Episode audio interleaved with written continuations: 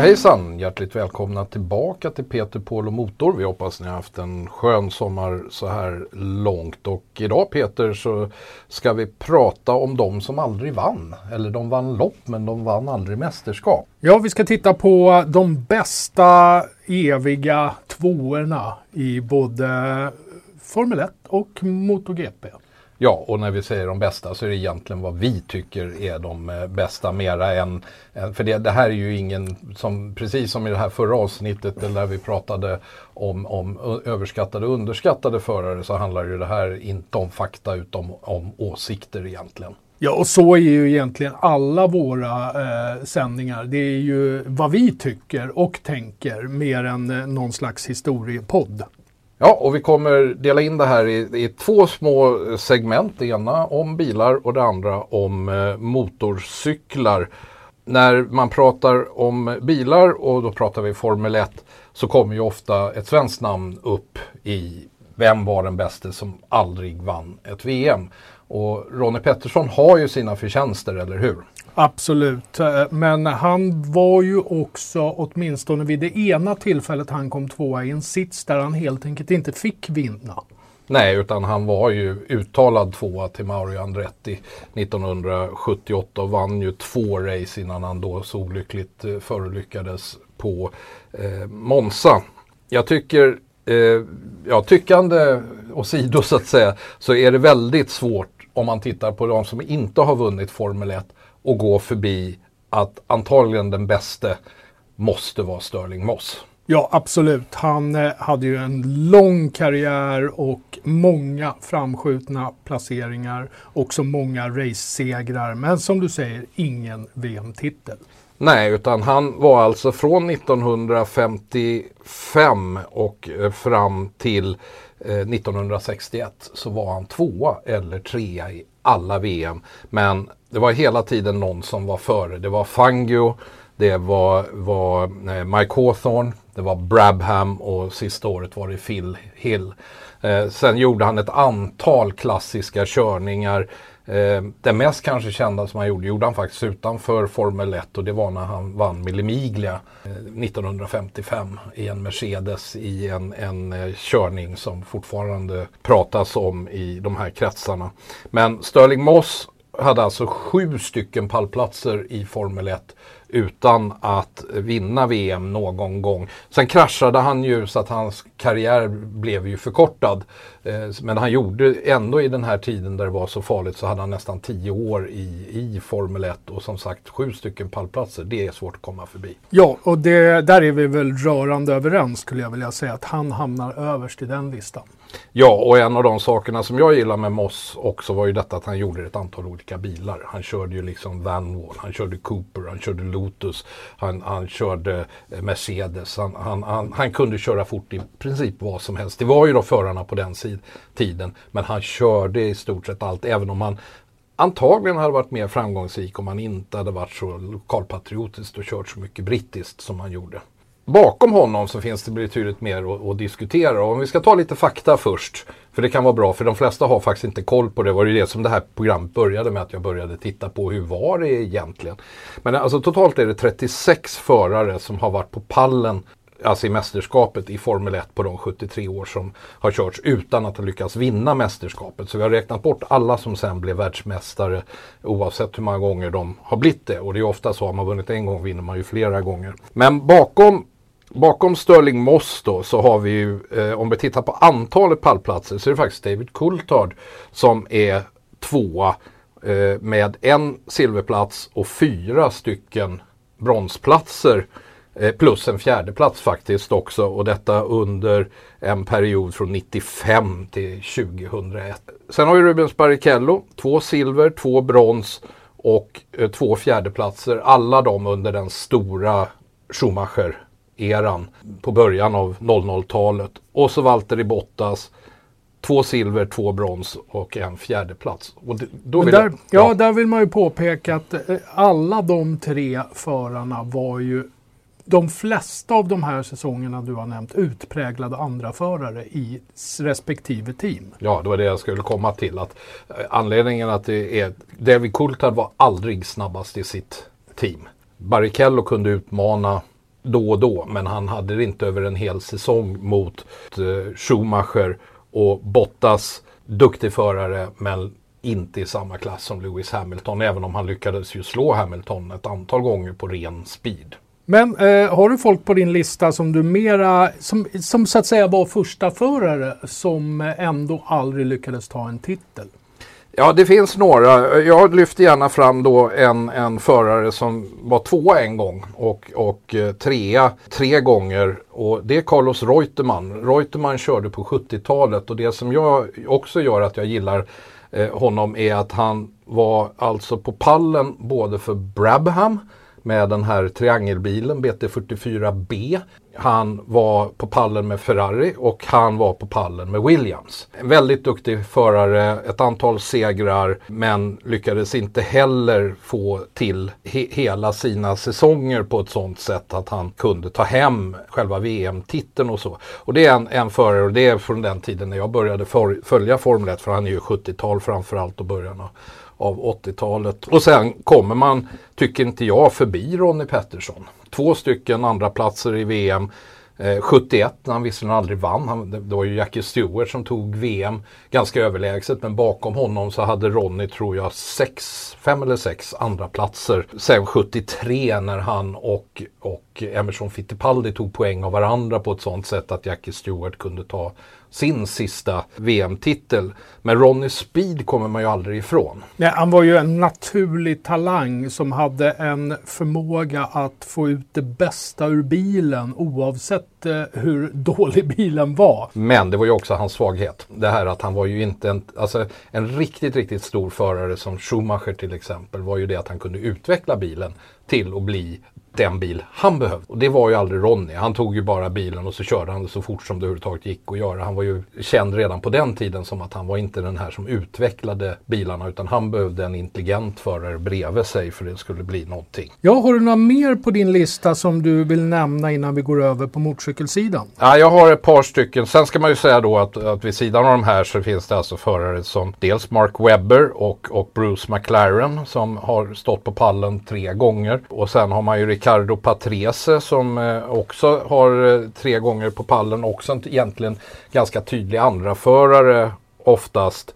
Och eh, så, men sen har jag två personliga favoriter faktiskt som jag skulle vilja nämna. Dels en som jag tycker så att säga blir lite underskattad i de här sammanhangen och det är Jackie X. Jackie X var inte sämre än fyra mer än en gång mellan åren 68 och 1972. Han var tvåa 1970 och de tre år så var han fyra i VM. Men Jackie X, förutom att han vann sina sex titlar på Le Mans, så var han ju också fortfarande den ribban man sätter på, är du en bra regnförare eller inte. Jo, men sen har jag en outsider också och det är en av mina favoriter för han var alltid bra. Men han kom aldrig på pallen i VM. Men det är Jacques Lafitte som eh, mellan åren 79 och 81 var på pallen, eller var fyra i VM tre år på raken med Ligier och, och eh, mycket, mycket duktig förare men som aldrig nådde hela vägen. Men det är min liksom lite hedersomnämnande av dem som har varit nära men aldrig nådde hela vägen. Sen finns det massor med förare.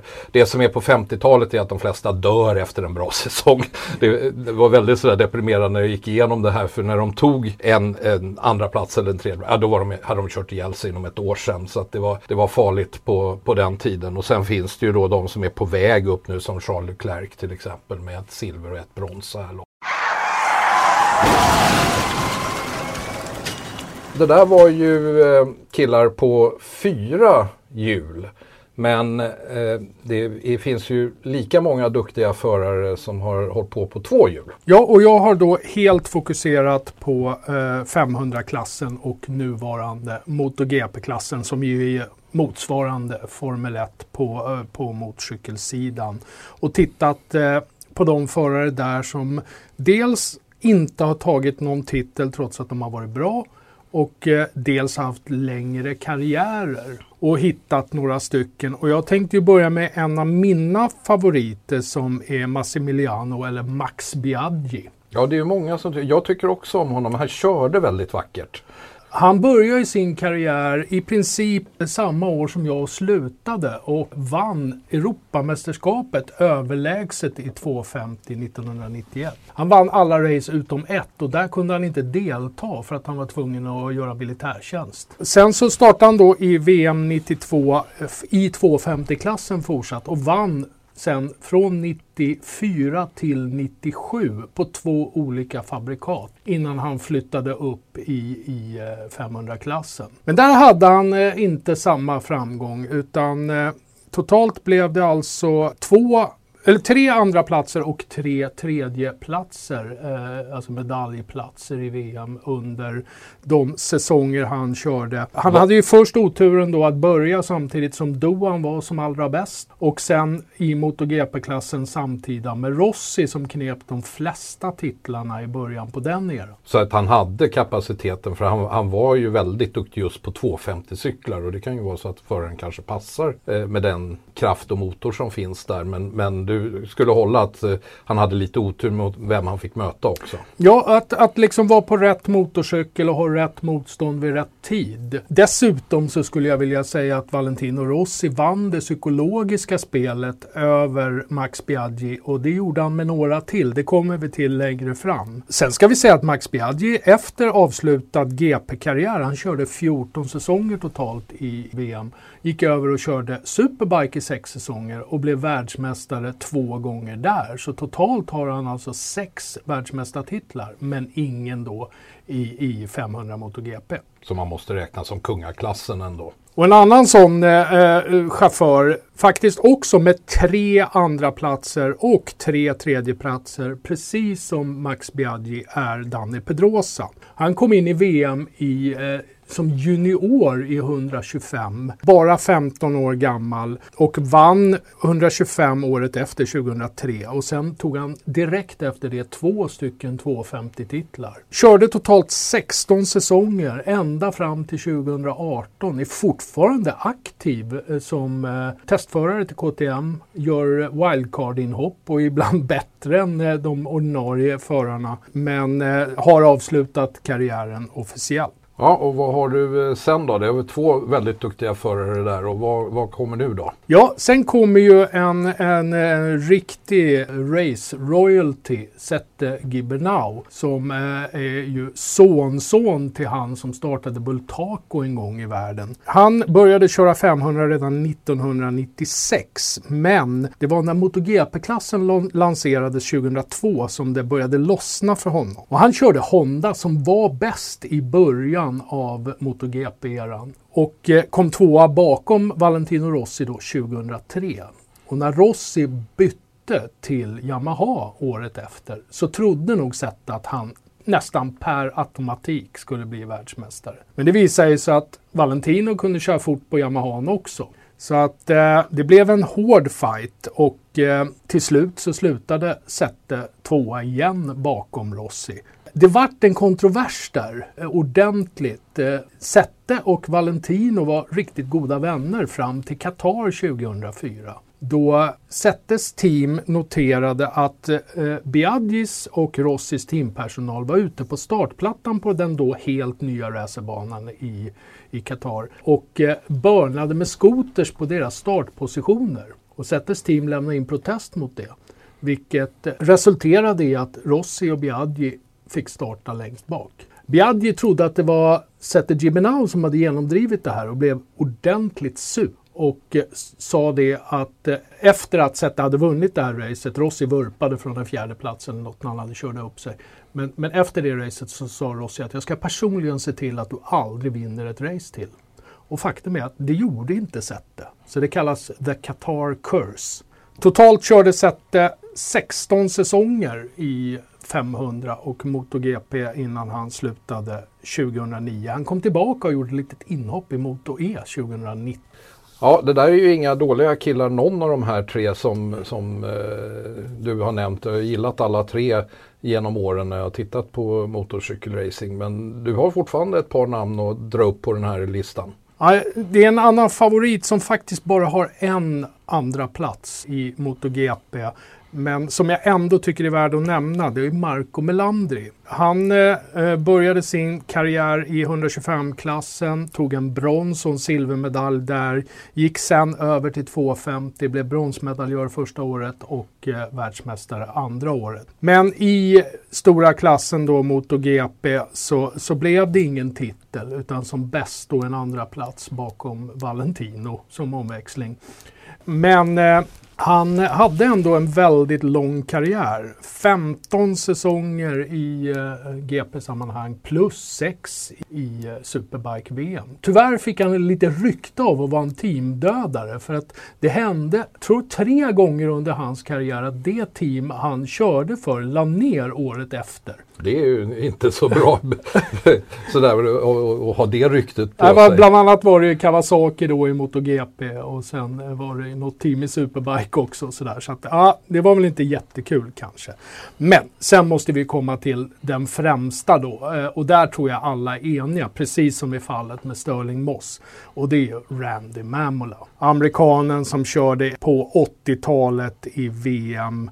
Han eh, kom tvåa inte mindre än fyra gånger. Dessutom så kom han trea två gånger, så på, på totalt 13 säsonger så var han alltså medaljör hälften av åren men lyckades inte ta någon titel. Oerhört populär som förare. Och det var lite kul, jag tittade på hans statistik. Första året han började köra VM, då körde han lite 250 och lite 500. Och han kom tvåa och trea flera gånger i racen också i de klasserna. Men lyckades inte ta någon seger det där första året. Så pallplatser men ingen seger. Det är Mamolas hela karriär. Han var också den första som tog en pallplats med Kagivan i slutet av sin karriär. Men det var också en andra plats, inte en seger.